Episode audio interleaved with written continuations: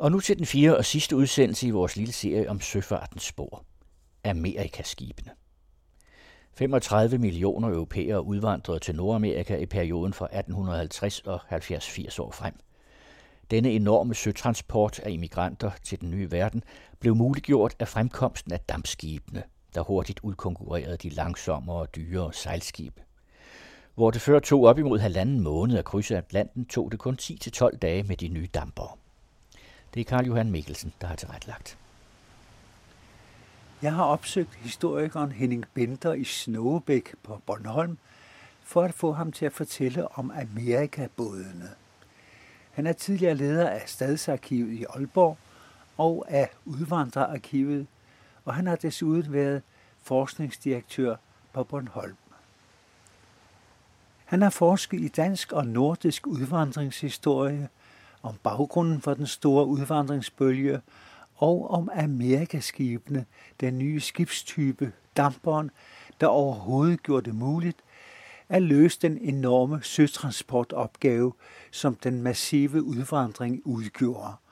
Og endelig vil han fortælle om den centrale rolle, som de økonomiske konjunkturer spillede for udvandringen, samt udvandringens virkning på verdensøkonomien og ikke mindst den danske økonomi. Hvad var det, der satte gang i udvandringen fra Danmark og resten af Europa, spurgte jeg Henning Bender.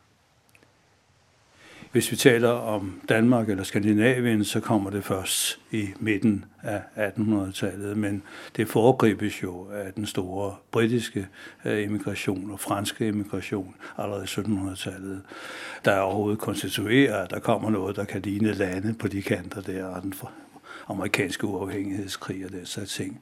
Men for danskernes vedkommende, der taler man om det i 1830'erne, og det første skib, danske skib, der skal til Amerika, er et vældigt projekt af en tysker. Tyskerne er allerede godt i gang med at udvandre. Der overbeviser en hel flok olbergenser og oceanere om, at de kan få en fremtid i Mexico på grænsen mellem det daværende Mexico og USA. Det er godt nok et temmelig uroligt hjørne, og det ender også i krig, men de sejler afsted på de elbe, som de har købt, og som de kun 22 år gamle, men det viser sig så, at skibet er næsten 50 år gammelt.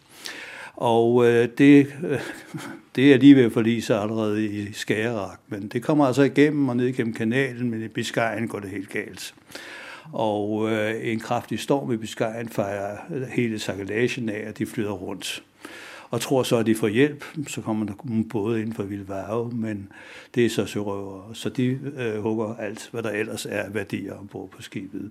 Men de kommer altså ind til Bordeaux, og øh, de allerfleste tager hjem igen. Men der er altså en tre stykker, der tager videre med et skib til øh, USA, og øh, lander med det franske skib, øh, med et ordentligt bump øh, i Florida, fordi de støder nemlig på Florida. Men de har nogle gode dage der på Key West og tager så videre op ad Mississippi og Missouri, og den ene af dem bliver den første sheriff nogensinde, der bliver dræbt i Texas. Og som sådan æres han, men man ved ikke i Texas, at han i virkeligheden er dansk oprindelse. Det har jeg så fortalt om i San Diego. Men øh, desværre så får Johan Ludvig Heiberg fat i den her haløjse. Han skriver jo så om en sjæl efter døden, hvor der også er en, der skal udvandre til Amerika. Og øh, han er temmelig dum. Og det er helt tydeligt, at det er altså lederen af denne ekspedition, han sigter på. Så altså i København, der bliver altså det der med at udvandre fuldstændig til grin. Og øh, derfor er der ikke sådan rigtigt nogen, der har lyst til det. Sådan. Øh, ja, Christian Winter skriver jo også om rejsen til Amerika samtidig i 1830'ernes slutning. Så det ene med det andet gør altså, at det gør man bare ikke, altså, selvom man snakker om det og sådan ting der. Nordmændene, de starter jo allerede med at sende skiv afsted i 1825, og svenskerne, de tager simpelthen med de jernbareskibe, som sejler fra Göteborg og fra Jævle til USA, så de tager simpelthen med der. Så der kommer altså en forholdsvis kraftig norsk og svensk udvandring. Men danskerne, de, de bliver der ikke rigtigt. Der er nogle ganske få nogen. Der er en kromand på Lolland i Stokkemarke, som er meget, meget øh, vred på enevælden, og han vil altså lave et utopisamfund i, i, i øh, USA, og samler altså nogen omkring kronen i Stokkemarker og tager afsted. Men det er sådan små ting. Der, hvor så det pludselig kommer, så det pludselig eksploderer ud over alle grænser, er, da mormonerne kommer til Danmark. Og når de lige netop kommer til Danmark, så er det fordi, at det er en dansker, der har fortalt på et møde i Salt Lake City i 1849, at man nu har fået en fri grundlov, og det vil sige, at man jo altså har frit løb til at missionere. Det har man ikke i Sverige og Norge eller nogen som helst andre steder. Så Danmark bliver det første sted efter Storbritannien, hvor der overhovedet er mormonmission. Og øh, det trækker altså sådan, at man skulle tro, det var løgn, fordi øh, det er altså i 10.000 vis af danskere, der tager afsted til Utah. Øh, skibene sejler i den periode inden borgerkrigen først og fremmest til New Orleans, fordi der er jo ikke jernbaner øh, på det tidspunkt, som man skal ind af floderne og op ad Mississippi, Mississippi eller over de store søer. Men øh, 1852 og 53, hvor det kommer i gang, er netop i kolerens tid, og det vil sige, at de dør som fluer. Altså hen ved halvdelen af nogle af dem, af nogle af de her rejsekompanier, som består af næsten 1000 mennesker per gang, øh, kommer ikke frem.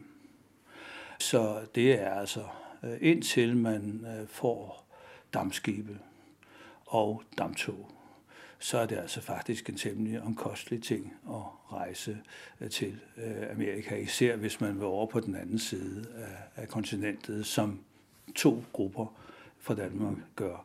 Nemlig dem, der søger Gud, det er mormonerne, og det er der mange af, og dem, der søger guld. Øh, der viser sig faktisk, at det er lettere og mindre livstruende at sejle til Australien fordi det tager kun tre måneder at sejle til Australien med de store klipperskibe. Sønden om Australien og til Melbourne, hvor guldet er, eller til New Zealand, hvor der også er guld, end det er at tage til øh, den østkysten på USA, og så skulle bruge op til 7-8 måneder for at komme til Kalifornien. Det er altså ikke alene dampskibene over Atlanten og damptogene tværs over USA, der satte gang i den danske immigration. Men en vigtig forudsætning var også de danske pionerer, der allerede var der og havde noget at etablere sig i det nye land. For eksempel er der guldgravere fra Danmark. Det er ikke fordi, de er så mange, men de finder, nogle af dem finder guld og tager så tilbage til den østlige del af USA og danner kerner. Øh, for eksempel i Illinois ved Chicago og øh, ved øh, Pennsylvania og New York, hvor state, hvor de altså danner små kerner.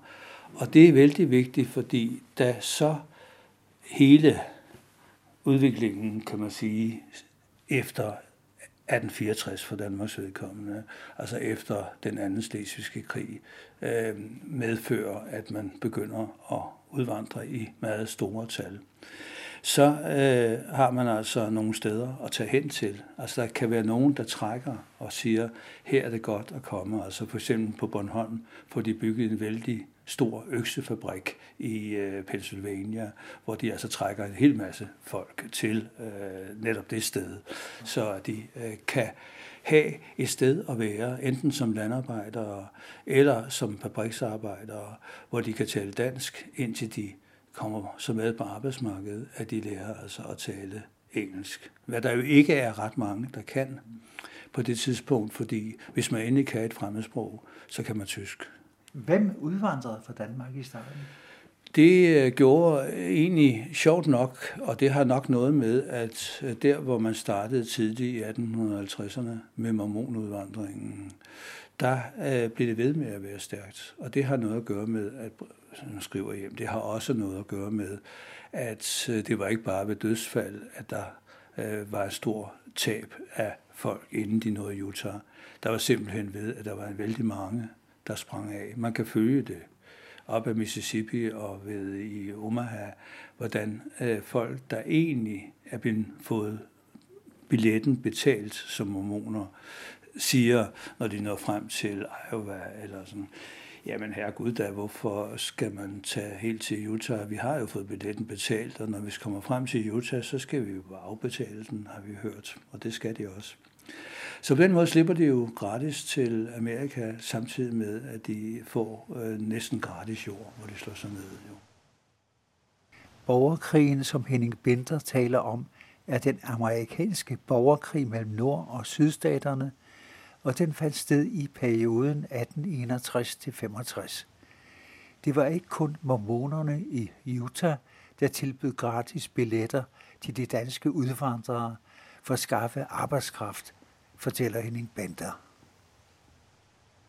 Det samme nummer gjorde de i New Zealand og i Australien og i Brasilien. I Brasilien var der allerede i 1850'erne og 60'erne mangel på næreslaver, og det næreslaveriet blev også ophævet, og så skulle man have nogle andre til at arbejde i kaffeplantagerne. De fik så gratis rejse, de fattigste af dem, der ikke kunne komme til for eksempel Amerika, og siden hørte man aldrig om noget fra dem. Øh, det samme princip gjorde de så altså i Queensland i øh, Australien, hvor at øh, der var sukkerrørsplantager, og i New Zealand, hvor der var rydningsopgaver. Og øh, den smarte måde at binde folk på, ikke? ved at betale deres billet, og så lade dem afbetale det bagefter.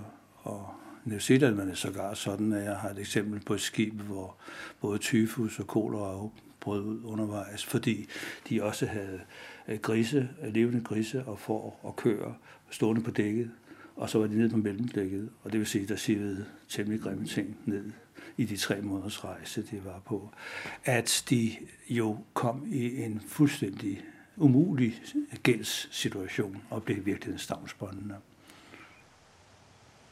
I København var der mange direkte skibslinjer til Amerika, som udvandrere fra hele Skandinavien benyttede sig af. Man regner med, at omkring en halv million danskere udvandrede i denne periode, det vil sige omkring 20 procent af befolkningen. Men Danmark var ikke det største udvandrerland i Skandinavien, fortæller Henning Benter. Det var halvanden million svenskere og øh, næsten en million nordmænd.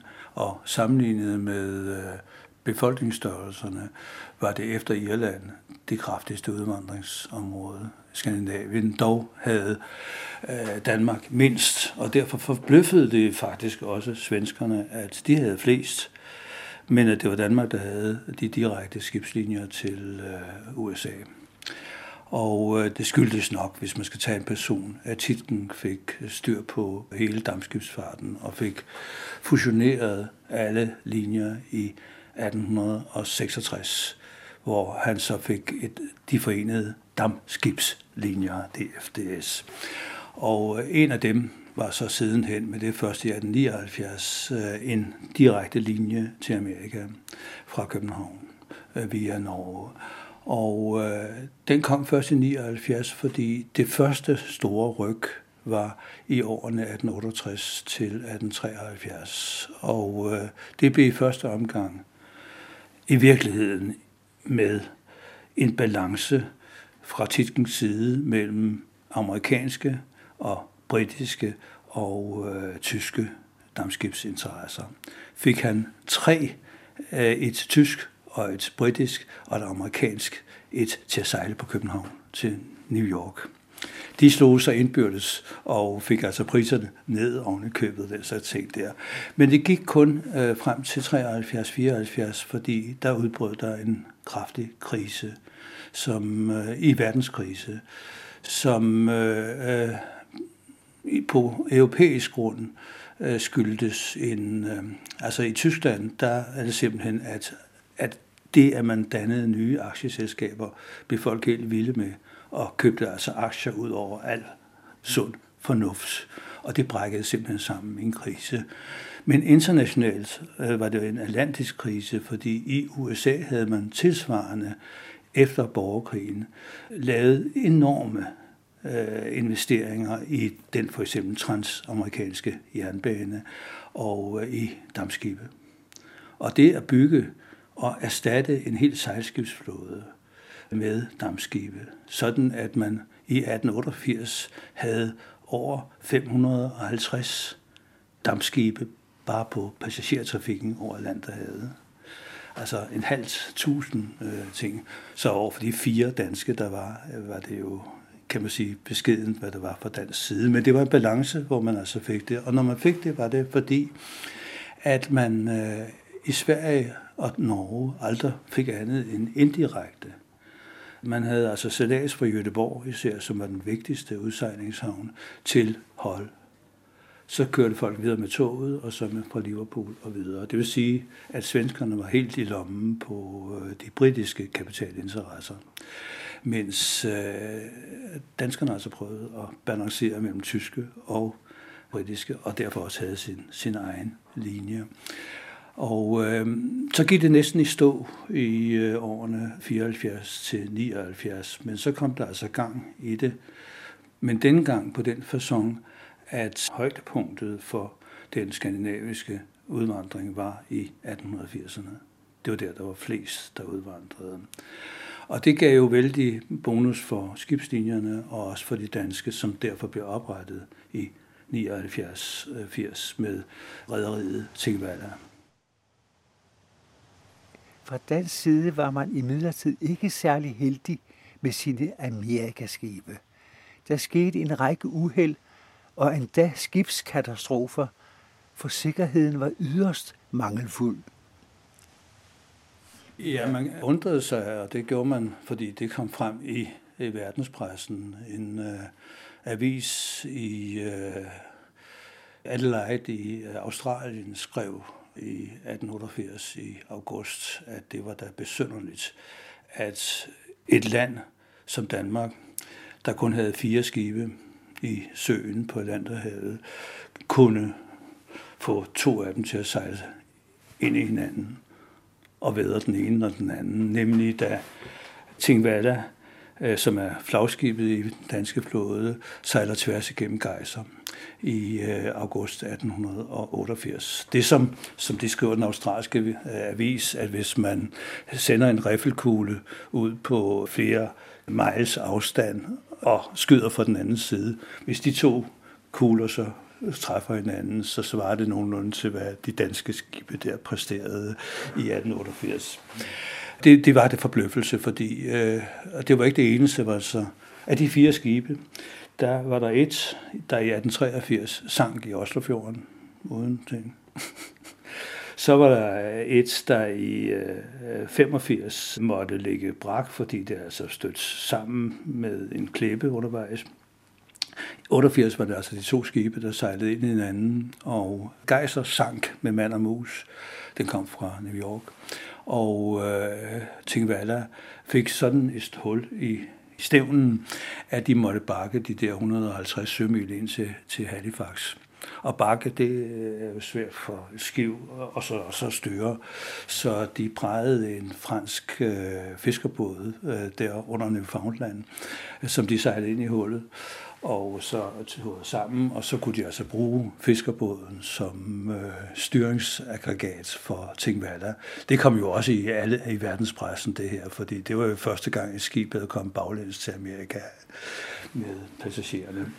Det var det jo opsigt, og da så øh, de jo skulle have et erstatningsskib, så købte de et gammelt skud i Belgien, som de så kaldte Danmark. Men på anden salas over Atlanterhavet tabte den skruen under Azorerne.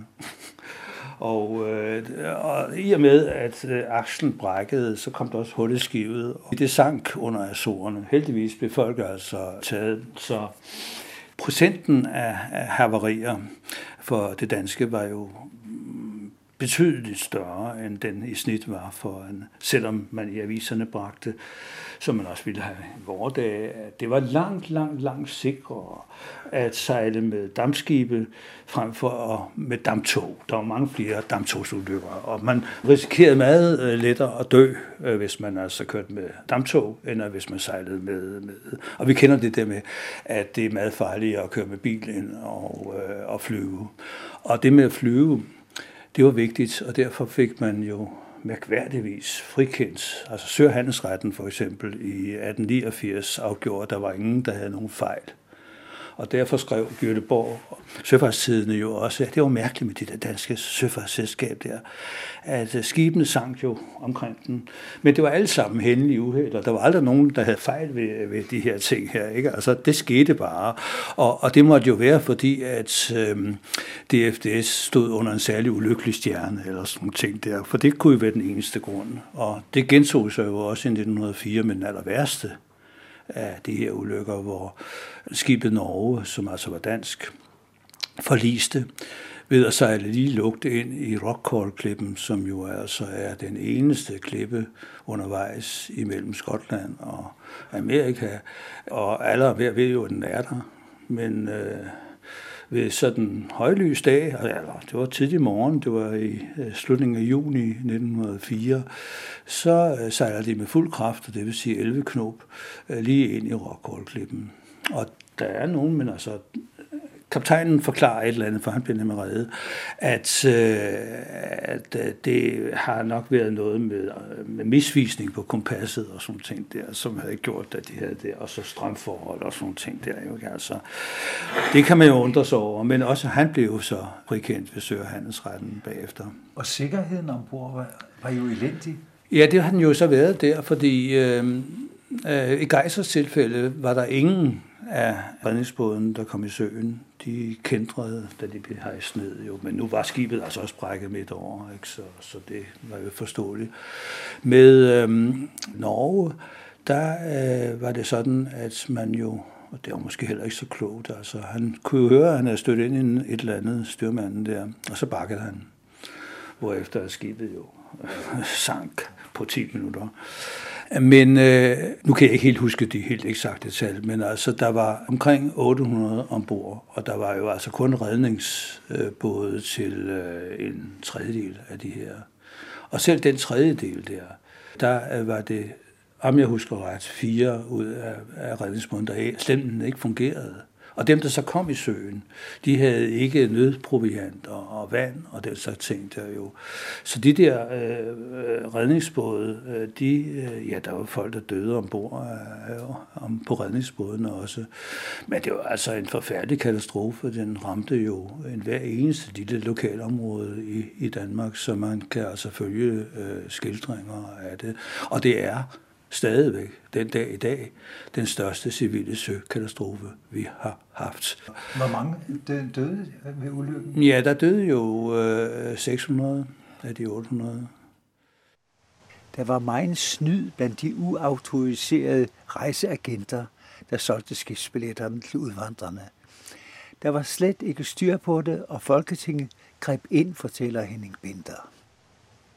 Jeg har lige skrevet en artikel, der hedder Fra missionær til rejseagent, og hvor missionærerne lovede jo paradiset i et hensides, altså et næste liv, så lovede jo rejseagenterne paradis allerede i dette liv. Og det havde de jo lidt svært ved at holde, og øh, det var faktisk temmelig groft. Altså man kunne, det er der eksempler på, risikere at øh, løse billet til øh, New Zealand, lad os nu sige det og så når man kom over til øh, København på Kvæsthusbroen, så var der agenter, der øh, uden nogen autorisation sagde, jamen altså køb billet hos os og gør det til Boston, fordi det er meget, meget lettere at komme til New Zealand via rejse tværs over USA. det er jo i princippet også rigtigt, at man kan også komme den vej til New Zealand, men det var nok ikke en særlig godt råd på et tidspunkt, hvor der ikke var jernbaner tværs over USA. Så der var vældig meget snyd. Man må sige, at der er et slip mellem, altså at man finder ud af, at det her det er for galt, så laver man en lov per 1. maj 1868 i Danmark, øh, der siger, at fra nu af skal rejseagenter autoriseres og øh, de skal betale 10.000 rigsdaler i depositum, et depositum, som kan bruges til at erstatte de folk, som kommer galt afsted, altså bliver svindlet med. Og samtidig skal ski inspiceres. De skal altså have et vis rummål i forhold til, hvor mange passagerer der var, og de skulle have en proviant og alt det sådan ting der. Og der er altså noget, som jeg som det var det, du spurgte om, som arkivar, altså simpelthen er himmel henrygt over, også fordi jeg er den første, der bruger det. det er, at for de 3.000 skibsafgange, der er fra København fra 1869 og frem til 1935, er der detaljeret skrevet for hver eneste skib, hvordan det skib øh, er været, og, og lavet i kopier. Så selv gejser, der synker, der er også papirerne bevaret fra afgangen fra København, om hvordan der var ledes. Og det fortæller også noget, som har været vældig, vældig svært at øh, gribe for især svenske øh, forskere, fordi det er klart, at de svenske forskere er vældig interesserede i netop udvandring, fordi at den spiller så stor en rolle i svensk historie. Men de har også været klar over, at der er nogle store mørketal, og det skyldes, at de bruger præsternes udflytningslister i de enkelte sovne. Og det kræver jo, at folk melder sig til præsterne, når de udvandrer. Og det er der mange, der ikke gør. Øh, de må godt nok ikke rejse fra Sverige uden at have en øh, udflytningsattest. Men øh, de må godt uden udflytningsattest tage fra Malmø til København. Og når de kommer til København, behøver de ikke en udflytningsattest fra Sverige for at købe en billet. Og det er der 250.000 svenskere, der gør.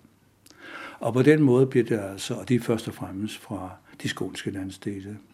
Øh, det betyder så, at man må hæve den svenske udvandringstal helt gevaldigt for de sydligste dele af Sverige.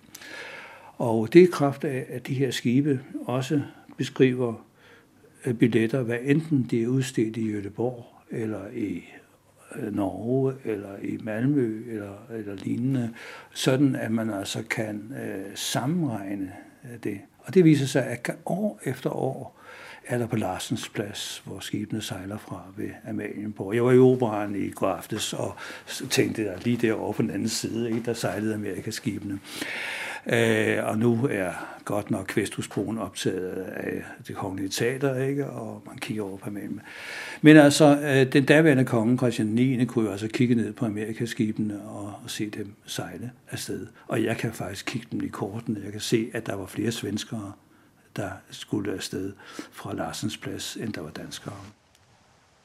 Den første startfaktor, der satte gang i udvandringen, var reelt de økonomiske konjunkturer, selvom den formelt var religiøst begrundet, mener Henning Bender.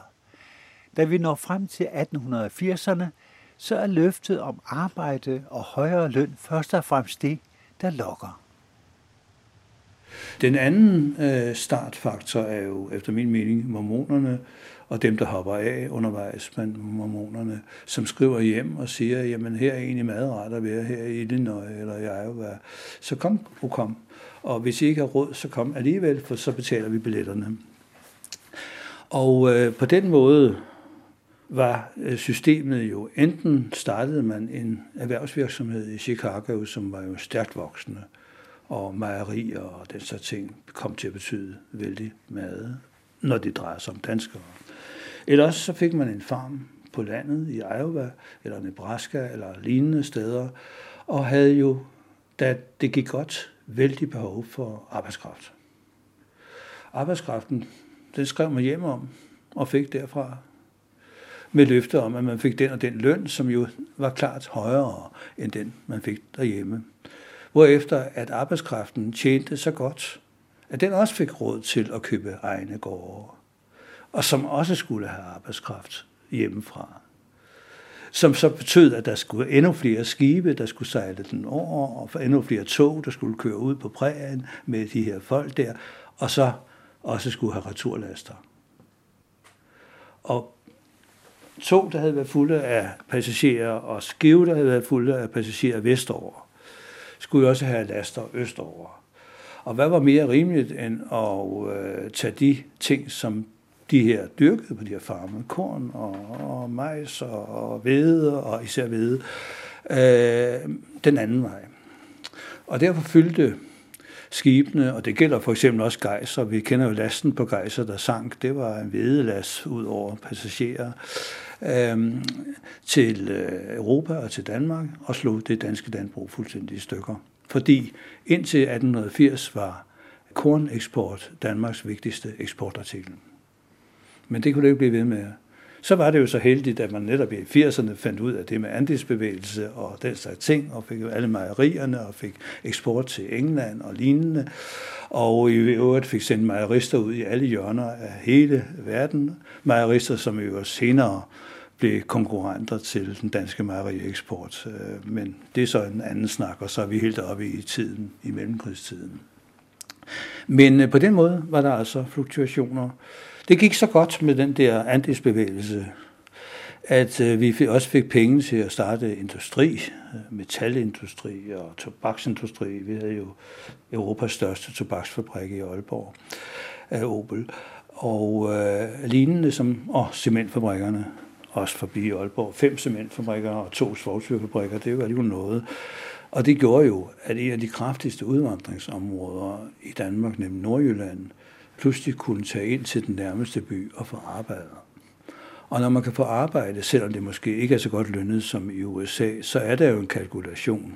Kan det nu bedre betale sig at blive hjemme? Det vil man jo i virkeligheden helst, medmindre man har stor arbejdsløshed. Men så snart man har familie, er det en sin sag at begynde at udvandre.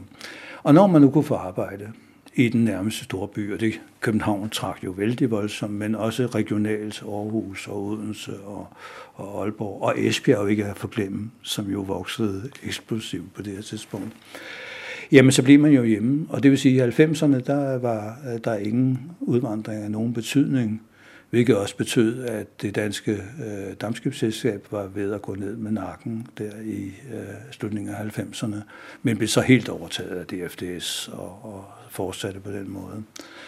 Så øh, det der konjunktur spiller jo en rolle, for når vi kommer frem til 1901-2 øh, stykker, så øh, bliver hele den investeringsbølge i dansk industri ligesom overophedet, som det sker i sådan nogle fluktuationer, hvorimod det stadigvæk går godt, eller i hvert fald fra og med 1906, hvor jordskælvet i San Francisco jo får verdens, man kan føle det i hele verden af den simple grund, at øh, prisen på øh, cement stiger når man skal bygge en helt ny by op, når den øh, ellers den gamle har faldet sammen.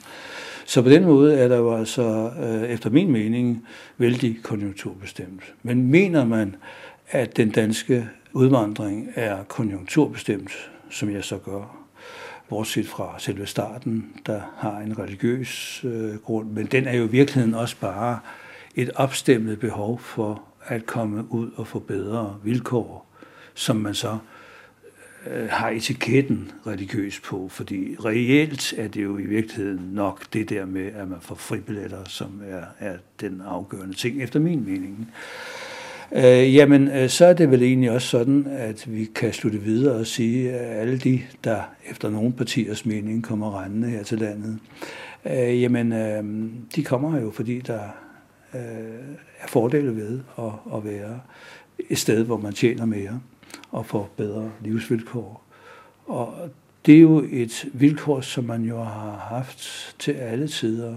Altså jeg selv, øh, når jeg kigger tilbage i min familie, jeg mener, jeg er så øh, tre, tre fjerdedel tysk, vil jeg sige, fordi det kommer jo på alle mulige måder øh, her til landet. Øh, og, og øh, det har de jo gjort, fordi at hvis man som skomager tjente dem bedre i øh, Odense i 1690'erne jamen, end i Hamburg, jamen, så tog man da selvfølgelig til Odense. Det er klart. Øh, sådan har det været, og sådan er det et udtryk for. Det, der er det særlige ved den store udvandring i 1800-tallet, er jo, at den er samtidig med liberalismen, det vil sige, at den er fuldstændig blottet for restriktioner i virkeligheden.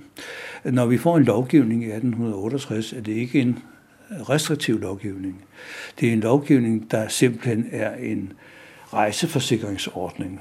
Altså, man vil bare lette, at der ikke sker misbrug øh, for dem, der udvandrer. Man har ikke nogen som helst intentioner om, at der er noget galt i, at folk udvandrer fra Danmark.